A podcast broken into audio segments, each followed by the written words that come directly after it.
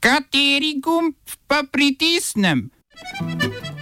Vučić prodal Kosovo za kemični svinčnik. Srpski predsednik zavrnil priznanje Kosova. Pomemben korak normalizacije odnosov med Kosovom in Srbijo. Vse to in še več v off komentarju, ki bo na sporedu čez 5, 4, 3, 2, 1.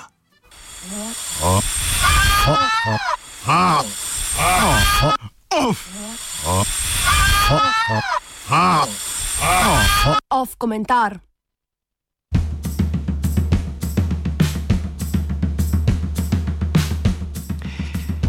Tri ravno kar prebrane interpretacije v soboto podpisanega sporazuma med srpskim predsednikom Aleksandrom Vučićem in kosovskim premijejem Abdullahom Hotjem si med sebojno nasprotujejo vsebini. Druži pa jih ena stvar in sicer smotno prepričanje, da se je ta vikend v Washingtonu zgodilo karkoli bistvenega. Če je kdo zmagal pogajanja, je to Donald Trump, ki se je pred domačimi mediji lahko pohvalil z uspešno rešitvijo še enega večnega spora nekje na Divjem vzhodu. Tako kot je rešil tisto za vse pretekle ameriške predsednike nerešljivo uganko izraelsko-palestinskega spora. V primeru tega je iz enačbe preprosto umaknil arabsko stran, njegov vsevedi zet Jared Kushner pa se je v miru in pogojih pogodil z Izraelci. Pri dogovoru med Prištino in Beogradom je očitno šla Trumpova ekipa še korak dlje in iz pogajanj izključila kar obe strani, ki sta očitno dobili v podpis tako rekoč zaključen dokument. Kako naj si drugače razlagamo kopico določil, ki se neposredno sploh ne tičejo aktualnega spora? Hkrati bi to pojasnilo reakcijo Vučiča z novinarske konference, ko se je očitno šele ob Trumpovem nagovoru zavedal, da je s podpisom sporazuma obljubil selitev srpskega veleposlaništva v Izraelu iz Tel Aviva v Jeruzalem.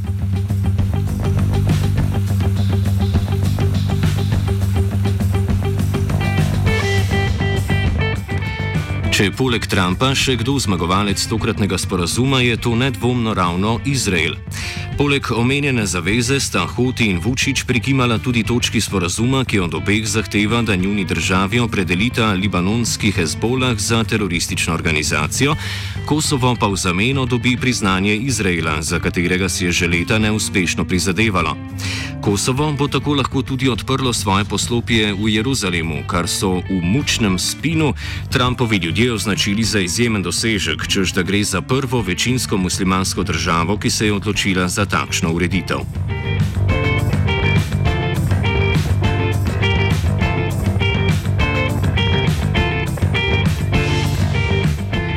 Med temami, ki bi jih pričakovali na srečanju med Beogradom in Prištino, se sporozum v veliki meri osredotoča na vzpostavitev oziroma krepitev ekonomskih vezi v obliki gradnje avtocest in železnic ter na vključitev v tako imenovani mini Schengen, brezcarinsko območje z Makedonijo in Albanijo. Sporazum med drugim nalaga stranema, da uredita nekaj odprtih energetskih vprašanj, med pozitivnimi izidi pa vsekakor velja izpostaviti določilo o medsebojnem priznanju diplom in certifikatov certifikatov.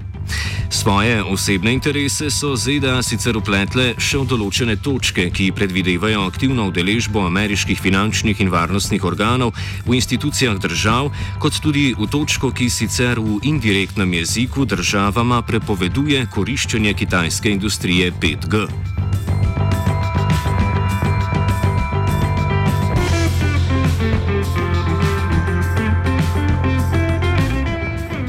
Vprašanje medsebojnega priznanja ni bilo obravnavano, kot tudi ne bo v nadaljevanju pogovorov, ki se te dni odvijajo ob medijaciji Evropske unije. Kosovo se je zavezalo k enoletnemu moratoriju glede učlanjevanja v mednarodne zveze, Srbija pa bo za isti čas zamrznila svojo kampanjo prepričevanja držav k opustitvi priznanja njene južne separatistične pokrajine. Dokument sicer v eni od točk omenja tudi ureditev upravljanja mejnega prehoda Merdare, To skupaj z ostalimi določili omogoča interpretacijo, da je srpski predsednik na potovanju prek Luže de facto priznal Kosovsko republiko, a dejstvo je, da se je to zgodilo veliko prej.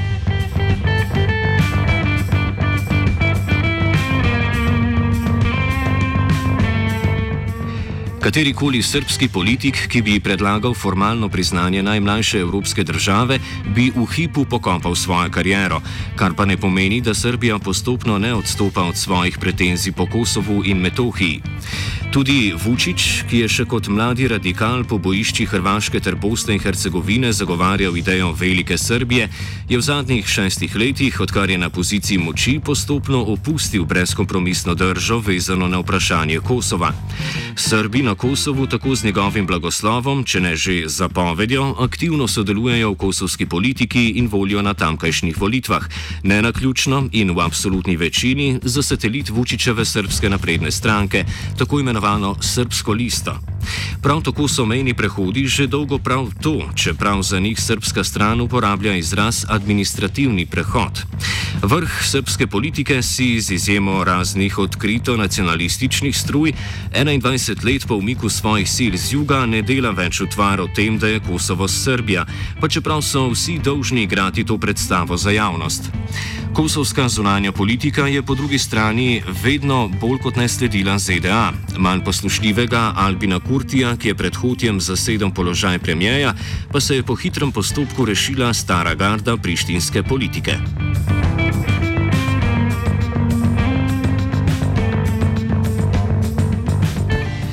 Vašingtonski sporazum v tem smislu prinaša le še kontinuiteto reševanja tega vprašanja.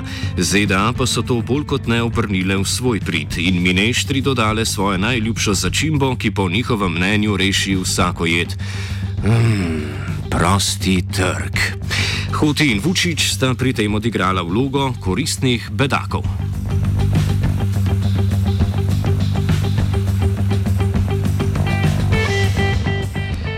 V slovenskem medijskem prostoru je bil dogovor deležen malo pozornosti. V tem ignorantskem ozračju pa je obveljalo tisto, kar je povedala glavna prijateljica vsakega novinarja pri nas, torej Slovenska tiskovna agencija. STA je za mnenje poprašala Mednarodni inštitut za bližnje vzhodne in balkanske študije IFIMES. Posledično pa je tako rekoč edini komentar sporazuma prišel strani direktorja tega inštituta Zijada Bečiroviča.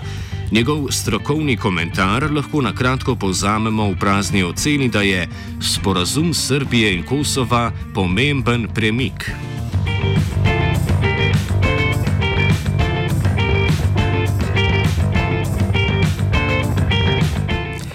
Inštitut sedežem v Ljubljani, ki ima od leta 2018 celo poseben posvetovalni status pri ekonomskem in socialnem svetu Organizacije Združenih narodov, je slovenski javnosti poznan po aferi iz leta 2016, ko se je izkazalo, da je šest študij, ki jih je pri njih naročila Koprska občina, v veliki meri prepisanih kar iz Wikipedije. O spornosti teh poslov in raznih preostalih nakazil, ki jih IFIMES za svojo domnevno strokovnost dobiva iz zasebnih in javnih podjetij, na tem mestu ne bomo razglabljali. Glede vsebin njihovih tekstov pa lahko rečemo, da so polni pavšalnih, dvomljivih ocen in vprašljivih političnih pozicij. Slovenski medijski prostor, ki je od osamosvojitve dalje postopno prekinjal vezi s področjem nekdanje Jugoslavije, se je tako znašel v položaju, ko se mora za razumevanje nekdaj naših bitk zanašati na samo oklicane strokovnjake.